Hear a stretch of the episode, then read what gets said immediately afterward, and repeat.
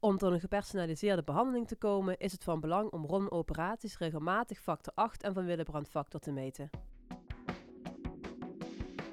Welkom bij de podcastserie van Daisy Medical Partners, waarin Maarten Lefevre in gesprek gaat met artsen, patiënten en patiëntverenigingen om met elkaar te streven naar een optimale kwaliteit van leven voor patiënten. We zijn vandaag de gast in het Radboud Universitair Medisch Centrum en praten met internist-hematoloog Britta Laros van Goorkom en internist-hematoloog Saskia Scholz over de ziekte van Van Willebrand. En we gaan het hebben over samenwerken als het gaat om de Van Willebrandzorg in Nederland en hoe patiënten in het Radboud gepersonaliseerd worden behandeld. Dames, van harte welkom bij deze podcast en dank voor het ontvangst hier in Nijmegen. Ja, leuk dat jullie er zijn. Dankjewel. En Britta, uh, wat is uh, in Nijmegen nu de specifieke rol van de verpleegkundig specialist en uh, de hematoloog? Ja, we zijn eigenlijk een team. We werken heel nauw met elkaar samen. de verpleegkundige specialist heeft een hele belangrijke rol in het coördineren van alle zorg rondom operaties bijvoorbeeld. Is zij degene die daar de spin in het web is en, en zorgt dat alles geregeld is met de afdeling, geregeld is met de patiënt. Um, en dat iedereen weet wat hij moet doen. Uh, dus dat is een hele belangrijke rol van de verpleegkundige specialist. En daarnaast ziet zij uh, alternerend uh, patiënten op de poli.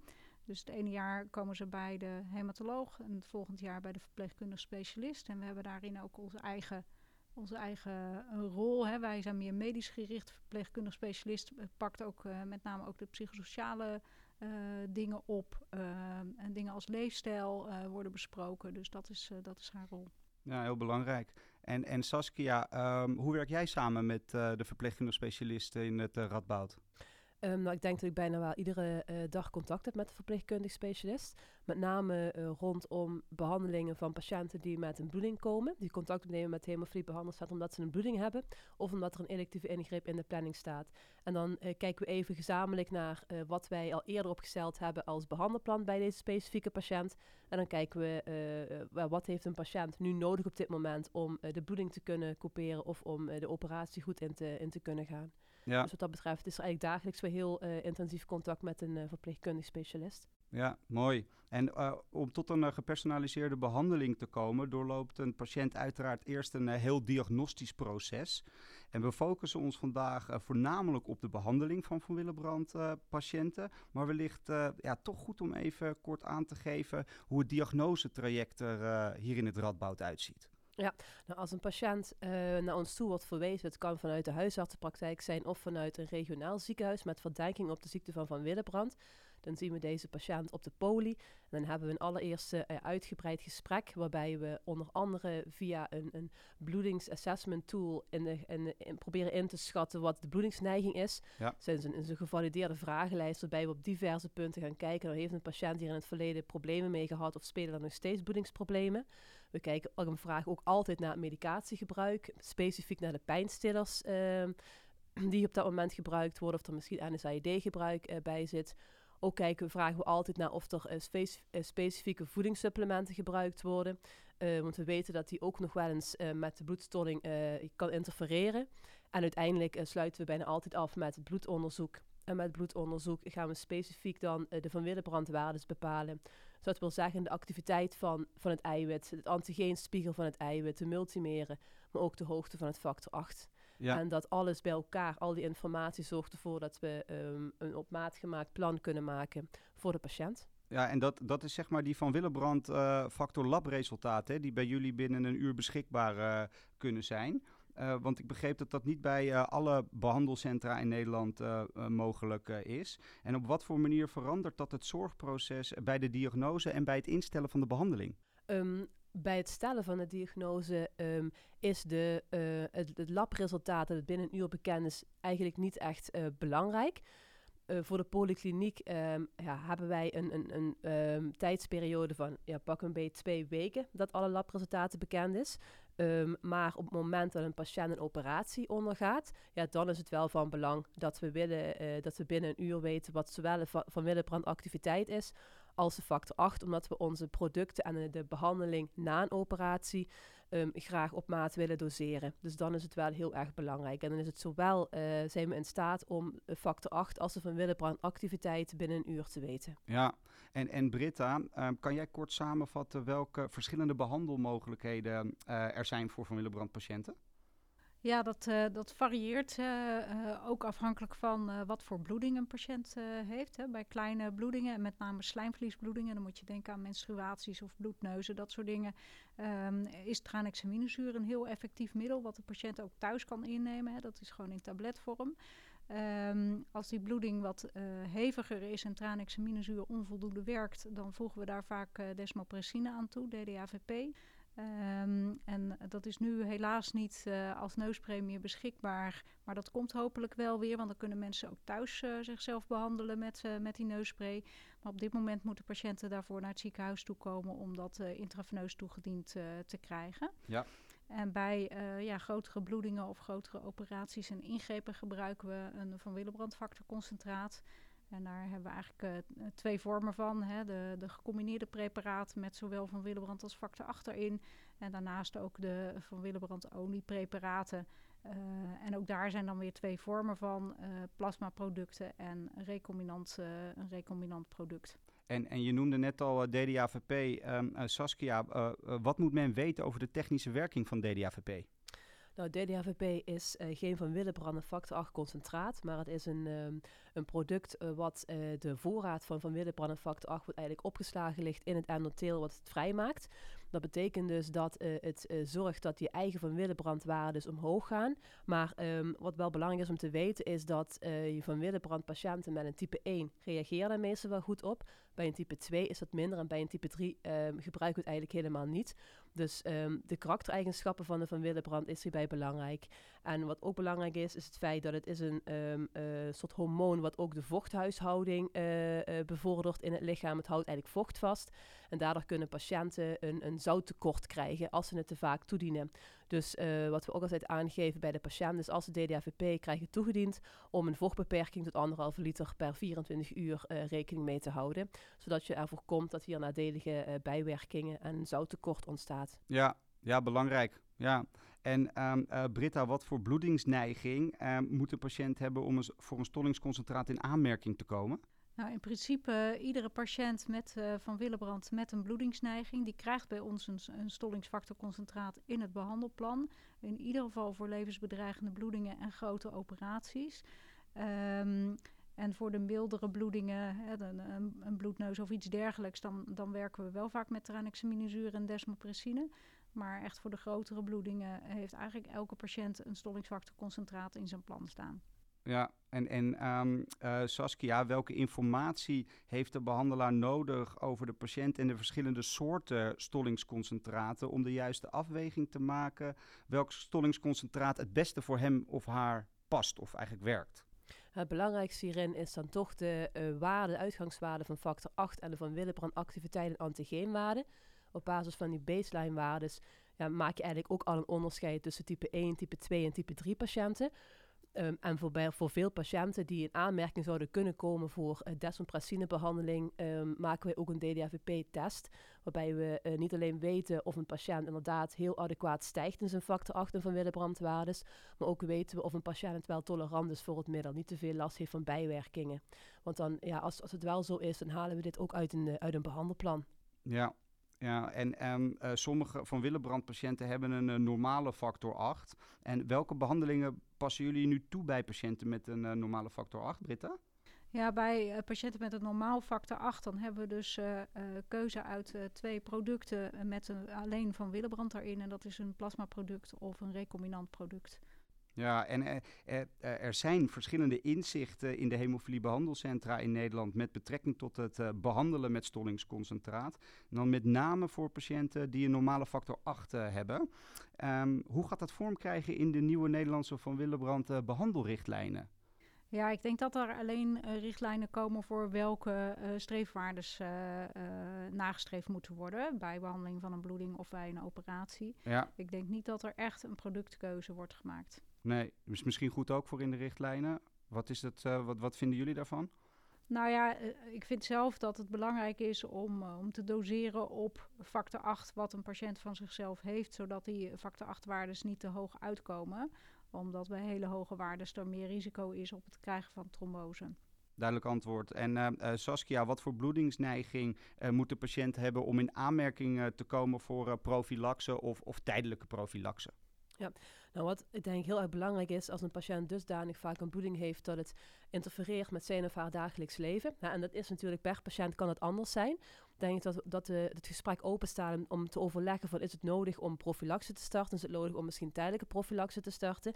En denk daarbij wel aan wekelijkse uh, bloedingen. Dat is in ieder geval wel een frequentie uh, die we vaker uh, ja, meer als als uh, maat uh, gebruiken om, om het erover te hebben. Wekelijks. Wekelijks, ja. ja, ja. Um, en ja, uh, wat we zelf vaak zien is patiënten die comorbiditeit hebben en die ook vaak op, door een lokale bloeding weinig behandelopties hebben via voor andere specialisten. Denk aan een uroloog, denk aan een MDL-arts dan is het wat ons betreft ook belangrijk om profilaxe te starten, zodat in ieder geval de Van Willebrand uh, drempel, uh, de, de, de troughspiegel, de dalspiegel hoog genoeg is om dat in ieder geval te waarborgen. Ja, nou goed uh, om de frequentie helder te hebben. En er loopt een onderzoek in het Radboud over de dosering van Van Willebrand oliestollingsconcentraat. Um, ja, dat nodig is om tot normale bloedfactoren te komen. Uh, kan jij toelichten wat het doel precies is van dit onderzoek? Nou, het is eh, meer dat wij ook heel consequent uh, bepalen als een patiënt uh, dit middel krijgt, wat de factor 8 en de van Willebrand activiteit voor toediening is. En direct na toediening van een bolus met dit van Willebrand only product, zodat we weten hoe een patiënt individueel stijgt in zijn waardes. En ook nadien of we de patiënt misschien toch iets anders moeten bijstarten. Dus of we inderdaad wel gericht goed bezig zijn. Met name ook omdat we willen voorkomen dat een factor 8 na een operatie, na een ingreep, te hoog wordt. Ja, en, en um, uh, hoe zit dat bijvoorbeeld uh, bij spoedoperaties? Bij spoedoperaties uh, baseren we eigenlijk het plan altijd op het behandelplan wat al bij een patiënt in zijn elektronisch uh, dossier aanwezig is. Dan weten we dus wat de baseline waardes van factor 8 is. Dan weten we ook wat we van tevoren al bedacht hebben aan product als er een, een spoedingreep of een acute bloeding is. En dan pakken we dat specifieke uh, product ook. En dat betekent dat patiënten die een lage van Willebrand activiteit hebben, maar wel een hoge factor 8, dat we ook een van Willebrand only product kiezen in de acute situatie. Ja. En dan berekenen we altijd op basis van um, voorspelde uh, topspiegels, wat dan de dosering is op dat moment. Ja. En ook dan uh, meten we achteraf weer, uh, in veel gevallen meten we dan ook weer de factor 8 waardes en de van Willebrand waardes. Ja, mooi gepersonaliseerd behandelen.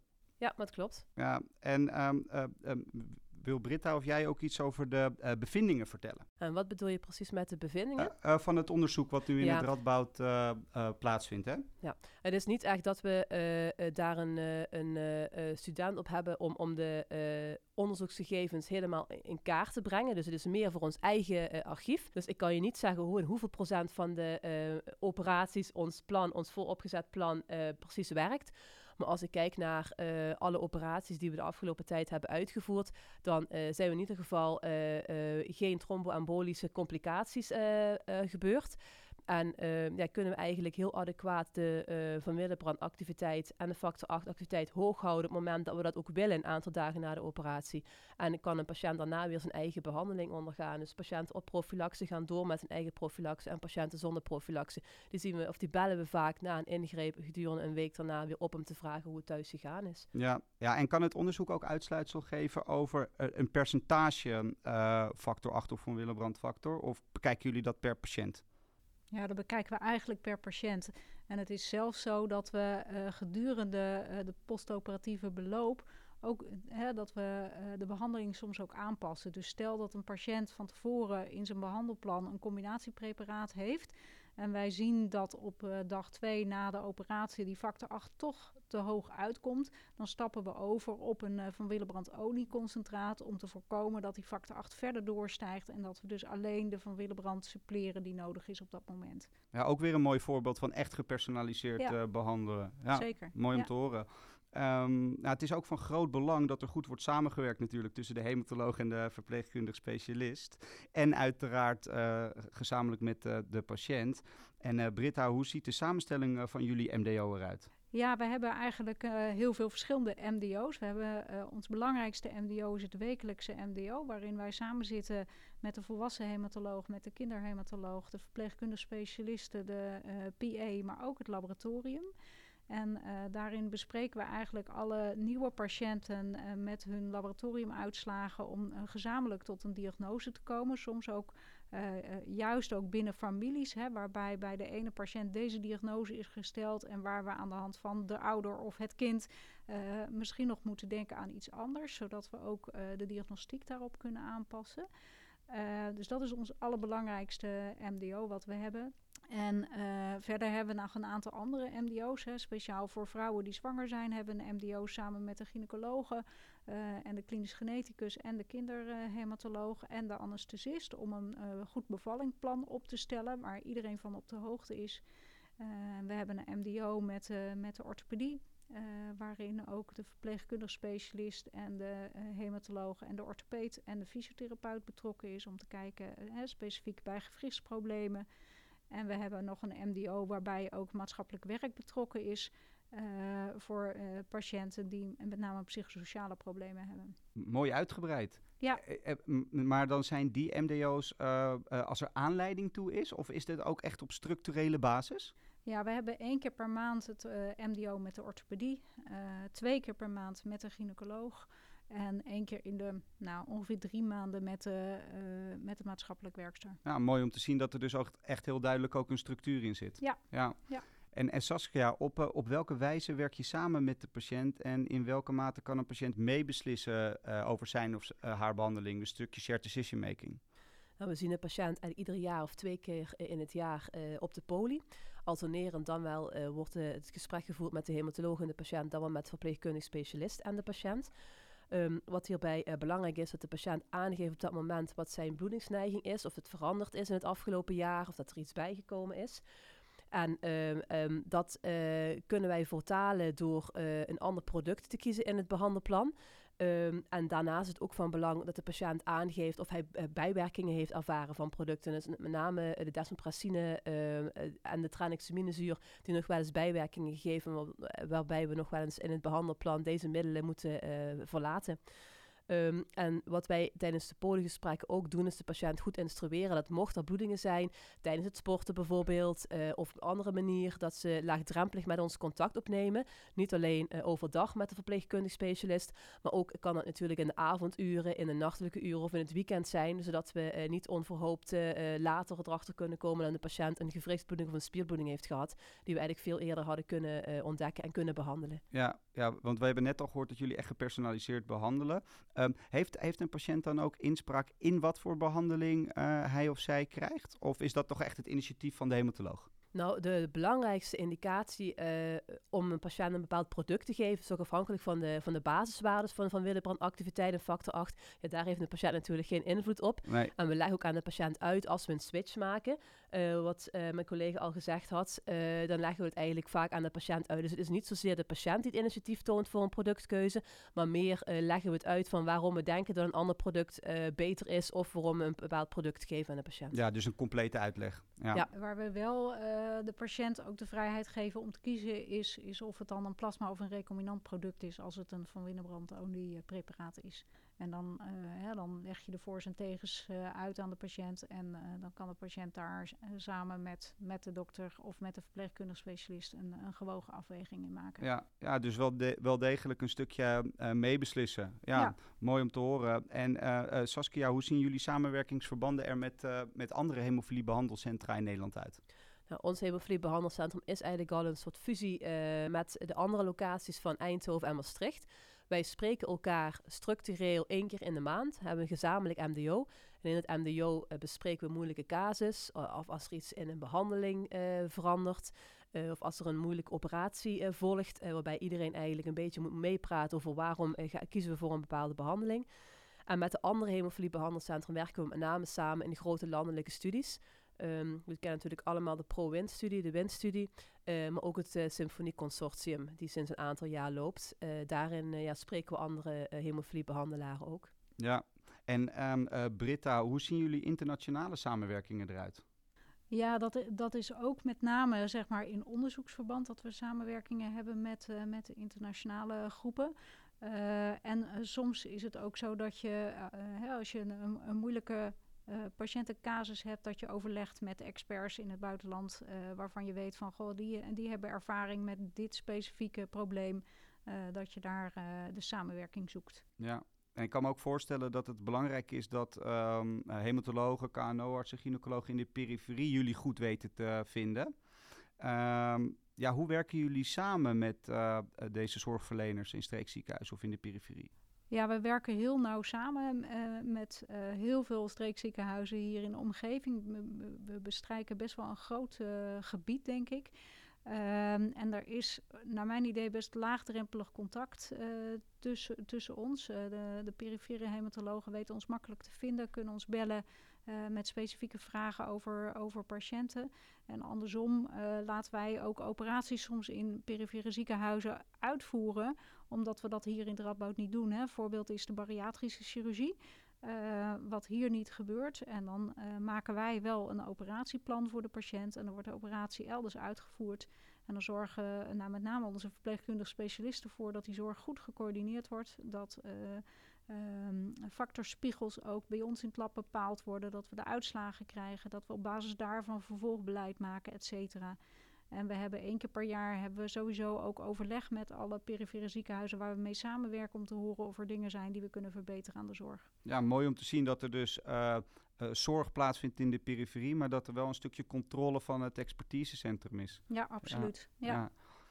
Prachtige afsluiter, dames, denk ik. Ik wil je hartelijk eh, danken voor deze leuke podcast. En eh, nou, tot de volgende keer. ja, graag gedaan. Ja, dankjewel. Graag gedaan. Deze podcast is financieel mogelijk gemaakt door Takeda. De hierin besproken meningen en ervaringen zijn afkomstig van de geïnterviewde persoon. Takeda heeft geen invloed op de inhoud gehad.